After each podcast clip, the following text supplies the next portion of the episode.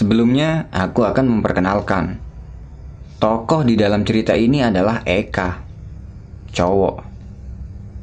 Pada tahun 2013 lalu, Eka harus kehilangan seseorang yang menurutnya itu sangat berarti bagi hidupnya. Dia adalah Erna, gadis cantik yang waktu itu masih berusia 20 tahun. Ya tidak selang jauh sih dari umurnya, yang waktu itu masih 21 tahun. Mereka berdua sudah saling mengenal sejak duduk di bangku sekolah. Dan Eka, dia mempunyai niat untuk meminang Erna setelah mereka sama-sama menyelesaikan pendidikan S1. Kedekatan mereka ini sudah mendapat restu dari kedua orang tuanya.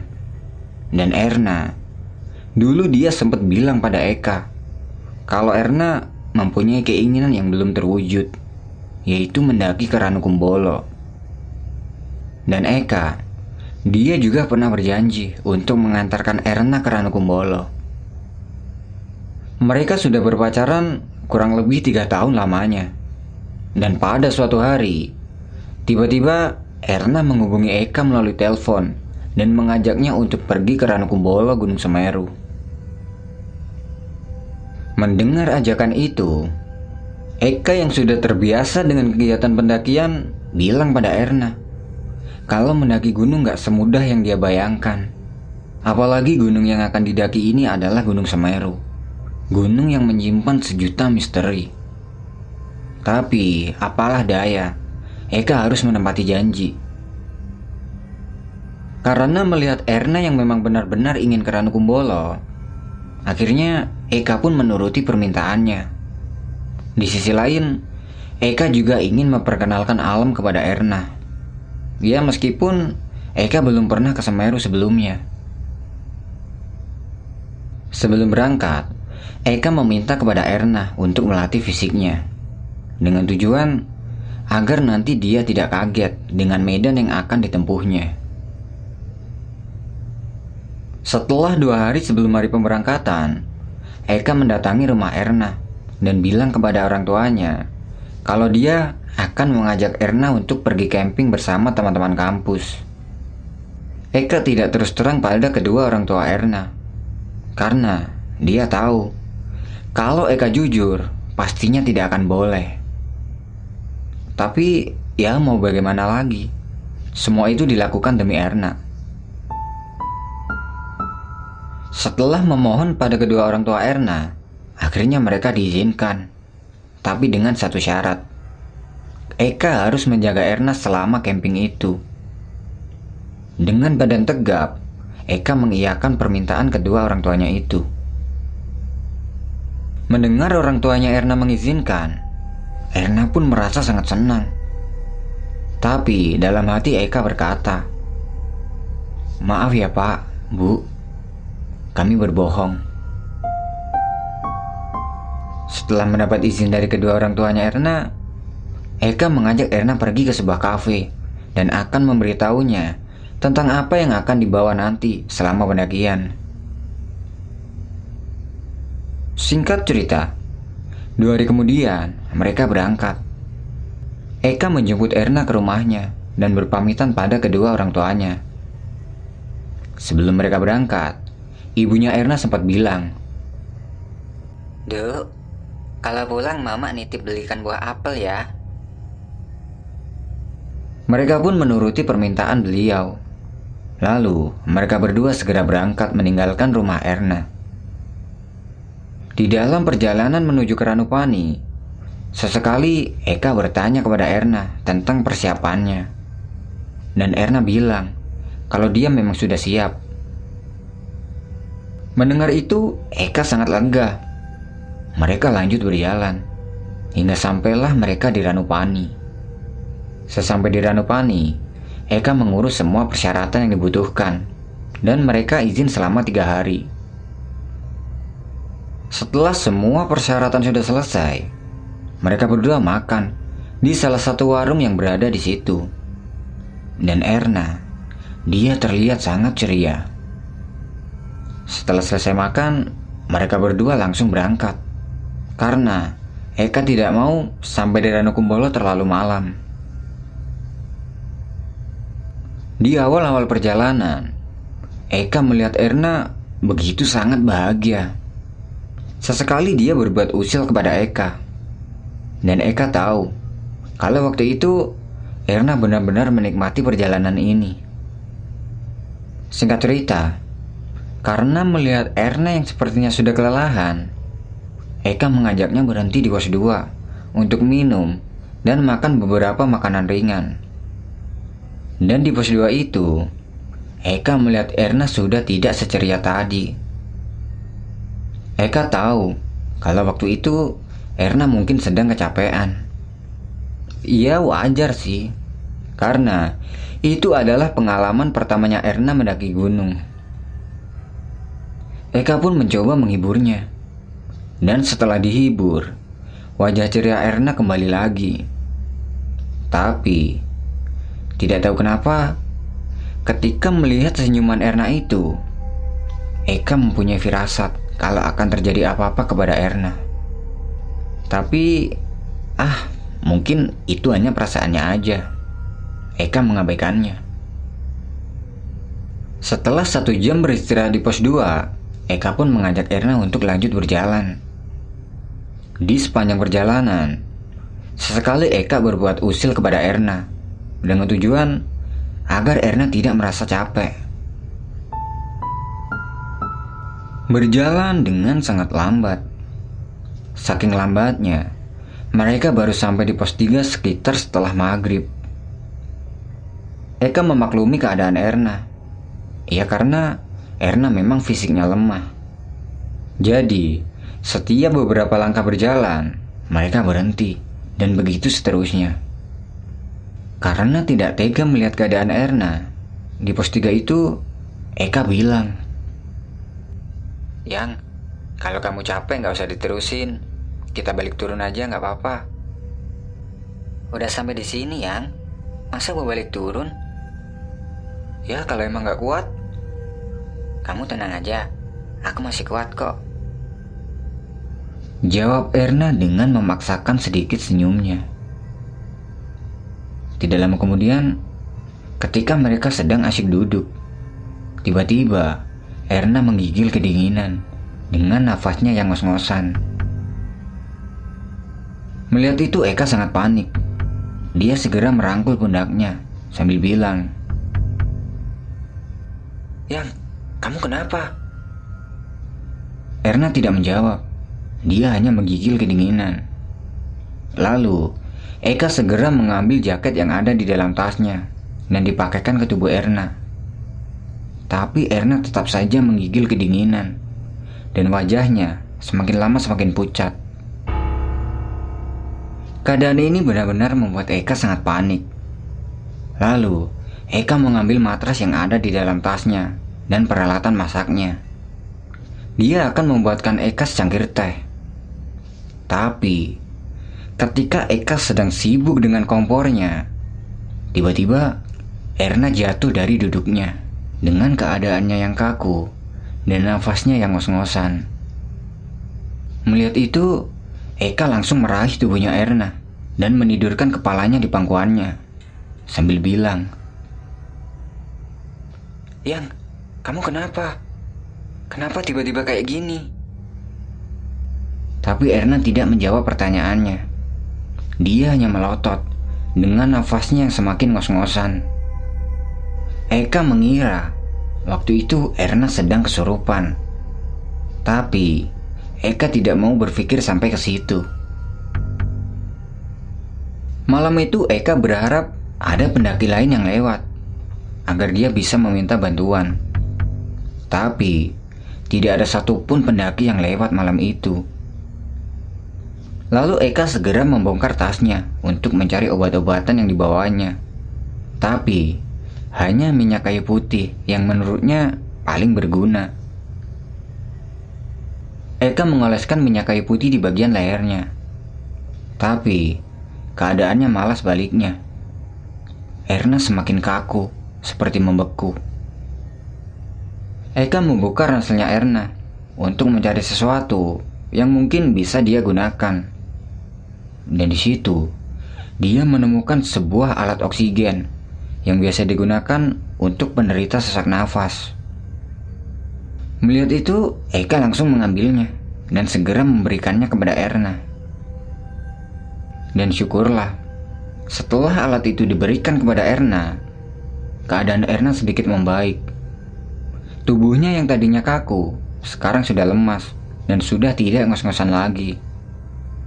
Lalu, Eka lanjut membuatkan teh untuk Erna. Setelah teh sudah jadi, Eka meminta Erna untuk meminumnya. Dan dia bertanya tentang penyakit yang dideritanya. Dan kejadian itu membuat Eka tahu satu hal.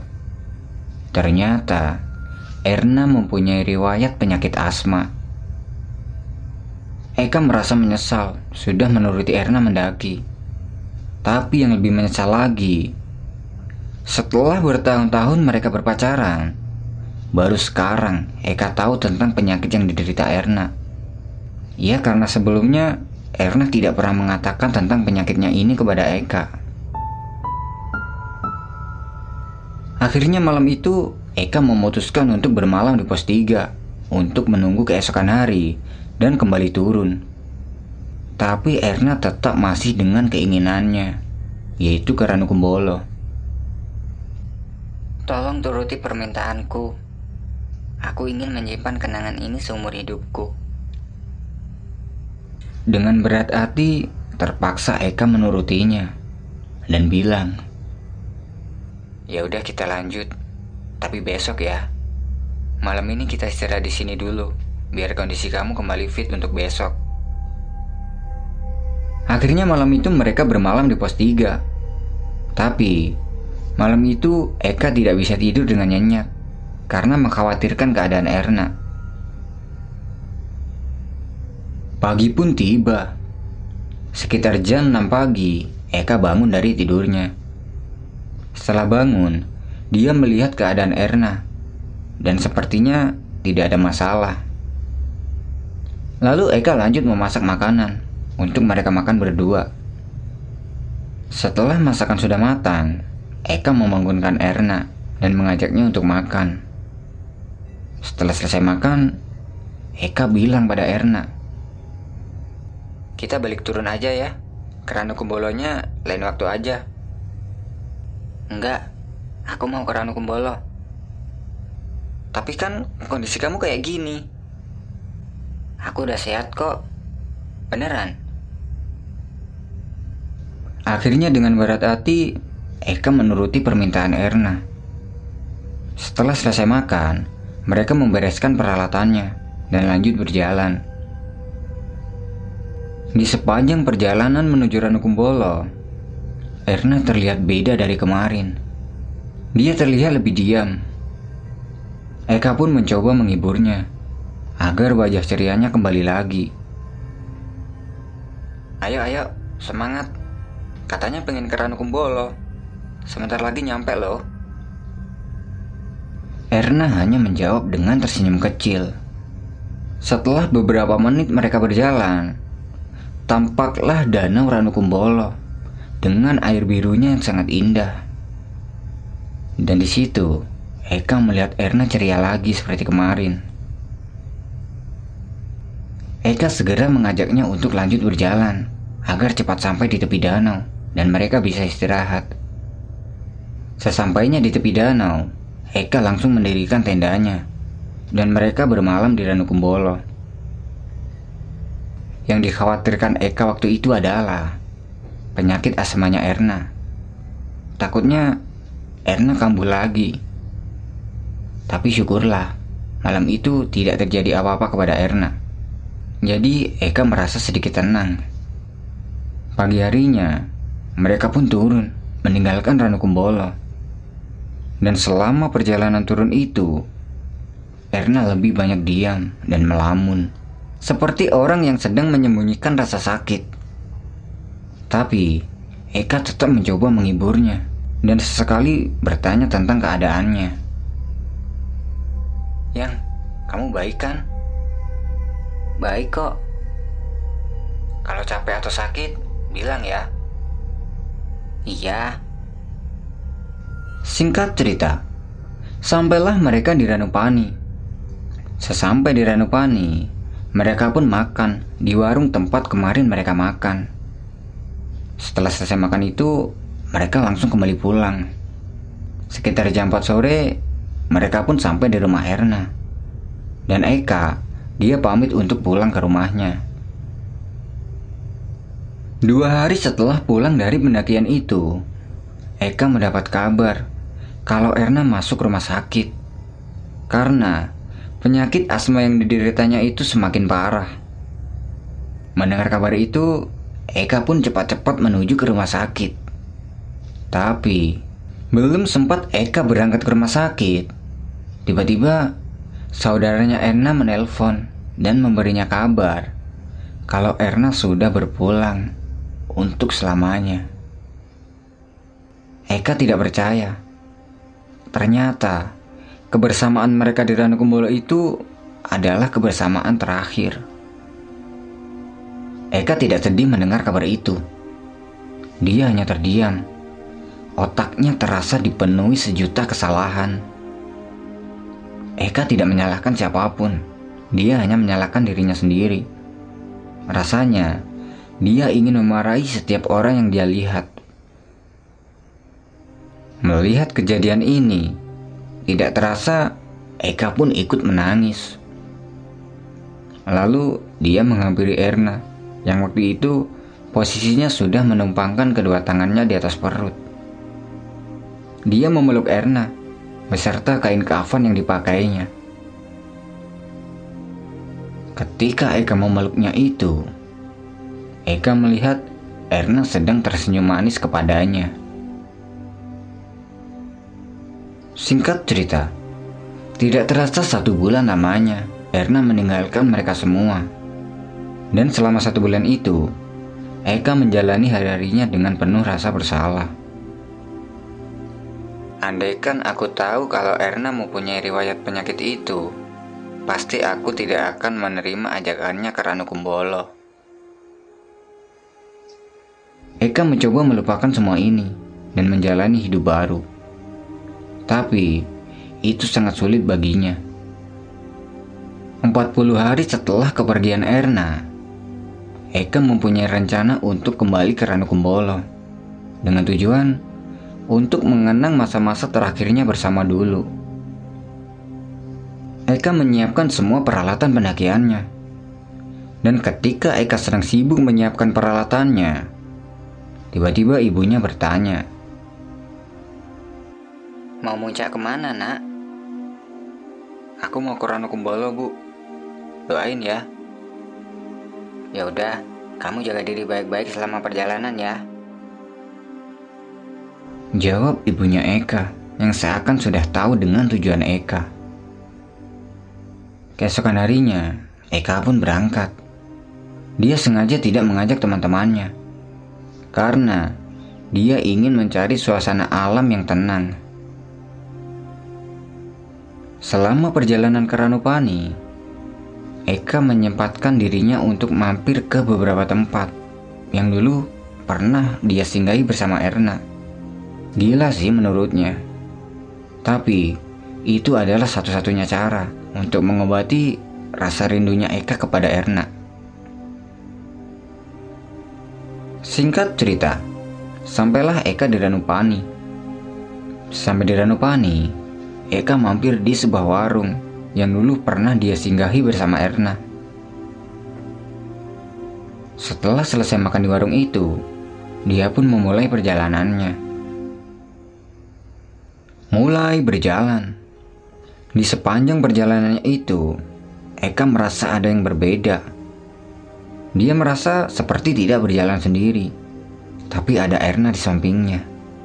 Tapi dalam hati dia berkata, "Ah, itu tidak mungkin.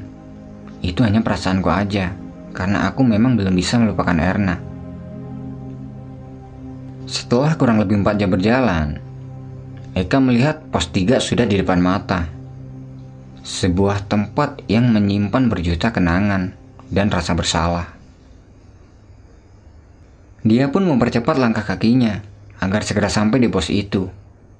Setelah sampai di pos itu, Eka melihat ada satu orang pendaki wanita yang sedang duduk. Wanita itu menyapa Eka, dan Eka pun kembali menyapanya. Sendirian aja, Mas. Rombongannya mana? Iya, Mbak. Saya sendiri. Banyak sendiri, mana rombongannya? Saya juga sendiri kok, Mas. Jawab wanita itu dengan senyum. Eka pun duduk di dekat wanita itu dan mengobrol dengannya. Nama wanita itu adalah Tia. Entah kenapa, ketika Eka sedang duduk dengan Tia itu, hatinya merasa nyaman. Seketika itu dia lupa dengan tujuannya ke Kumbolo ini. Tidak lama kemudian, Tia menawari Eka untuk berjalan bareng ke Kumbolo. Dan Eka pun menerimanya.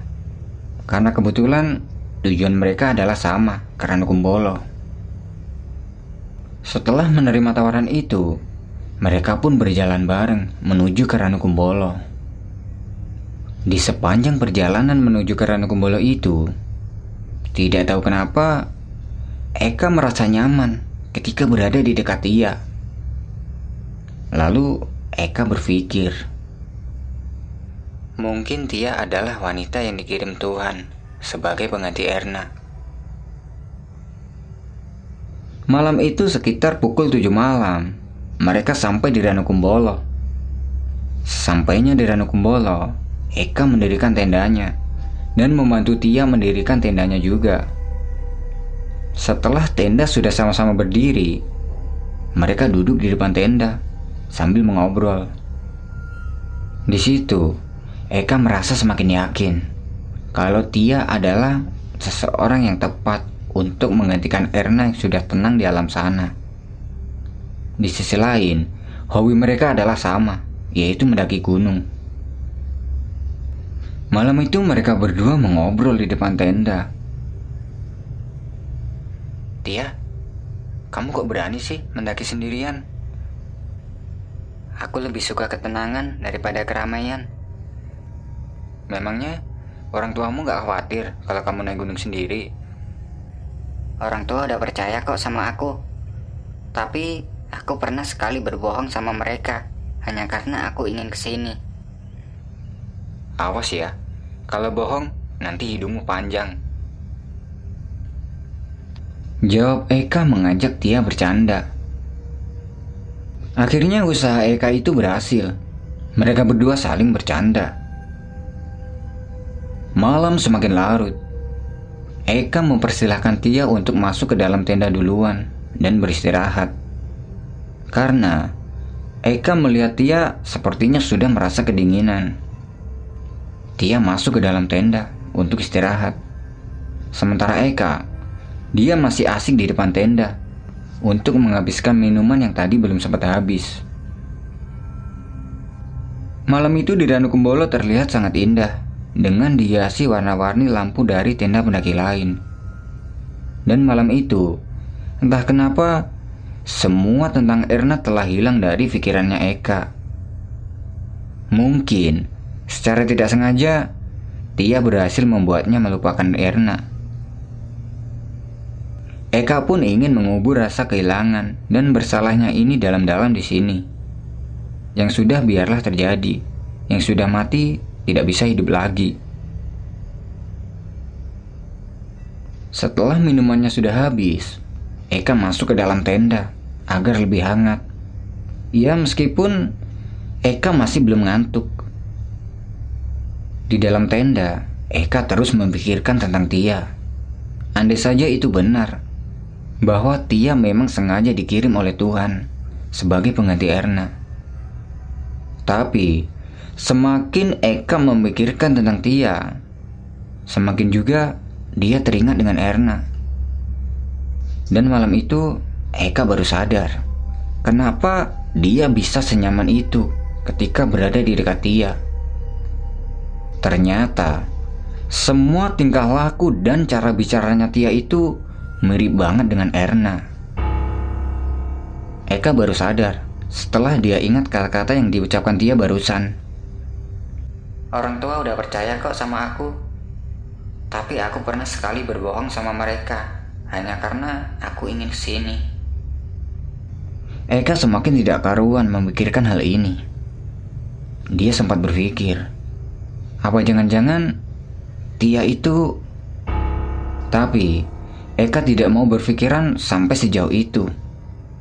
Dia menganggap mungkin itu adalah sebuah kebetulan.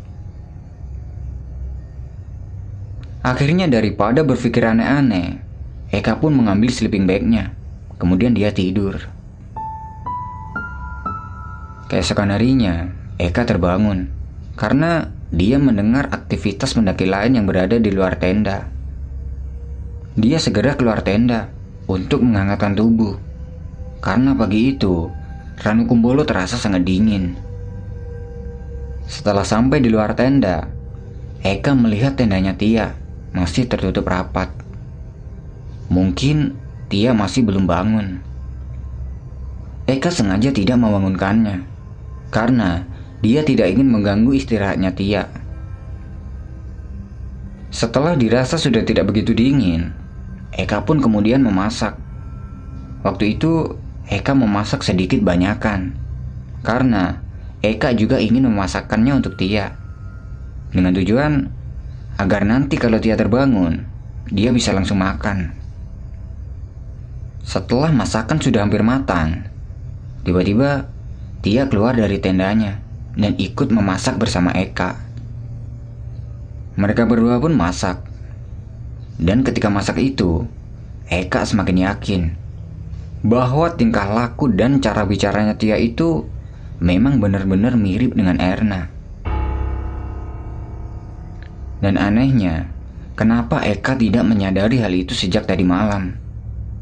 Padahal kan semalam mereka berdua jalan bareng. Eka tetap berpikir positif. Ya mungkin saja ini memang benar-benar sebuah kebetulan. Karena di sisi lain, Eka juga belum bisa melupakan Erna. Setelah selesai makan, mereka berdua berfoto-foto di dekat danau Ranukumbolo.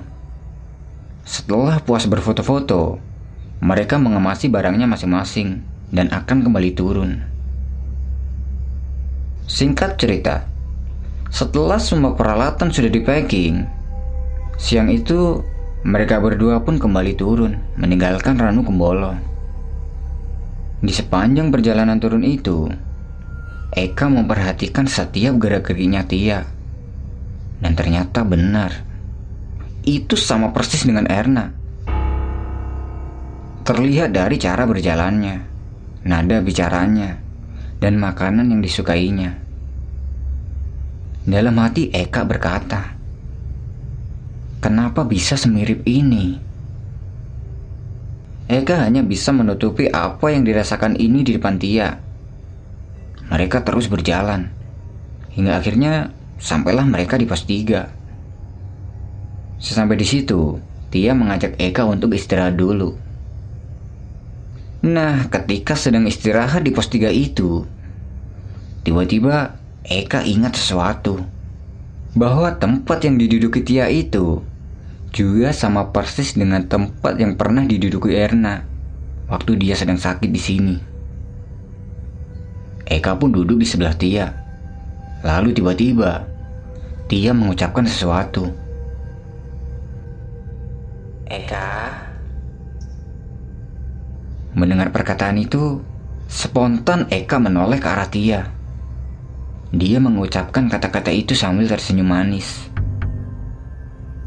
Eka hanya terdiam mendengar kata-kata yang barusan diucapkan Tia. Lalu, Tia memberi Eka sesuatu yang membuat Eka semakin tidak bisa berkata apa-apa. Mau tahu apa yang diberikan Tia kepada Eka. Tia memberi Eka sebuah benda, yaitu oksigen milik Erna yang dulu pernah dipakainya ketika dia sedang sakit di sini. Eka menerima benda itu dengan tangannya yang bergetar. Lalu Tia lanjut berucap. Ini kepunyaan Erna yang dulu tertinggal di tempat ini. Mendengar itu Eka tersentak. Lalu dia bertanya pada Tia. sebenarnya kamu ini siapa? Dan bagaimana bisa kamu tahu tentang Erna? Kak, aku mohon kamu lupakan Erna. Karena itu hanya akan membebani pikiranmu. Dan ingat satu hal, bahwa Erna sudah tidak ada. Eka semakin tidak bisa bicara. Dia hanya tercengang mendengar setiap perkataan yang diucapkan wanita itu. Lalu, dia lanjut berucap. Kak, Erna punya permintaan. Aku harap kamu mau menurutinya. Spontan Eka menjawab. Apa itu permintaannya? Nanti kalau kamu pulang belilah buah apel dan berikan kepada orang tua Erna. Sekaligus sampaikan permintaan maafnya. Karena waktu itu dia sempat berbohong pada orang tuanya. Mendengar permintaan itu, Eka langsung lemas. Karena Eka juga orang yang ikut berbohong pada orang tua Erna waktu itu. Lalu wanita itu beranjak berdiri dan mengucapkan kata-kata terakhir. Kuharap suatu saat kamu akan bisa menemukan pengganti Erna. Setelah kata-kata itu diucapkan, wanita itu beranjak turun dan meninggalkan Eka. Eka yang waktu itu terdiam, dia membiarkan wanita itu pergi. Setelah wanita itu pergi, Eka mengingat-ingat kembali apa yang sudah diucapkan oleh wanita tadi. Tidak lama kemudian, Eka pun beranjak turun dengan tujuan untuk menyusul wanita tadi. Tapi, di sepanjang perjalanan turun, dia tidak melihat wanita itu. Entah ke mana perginya.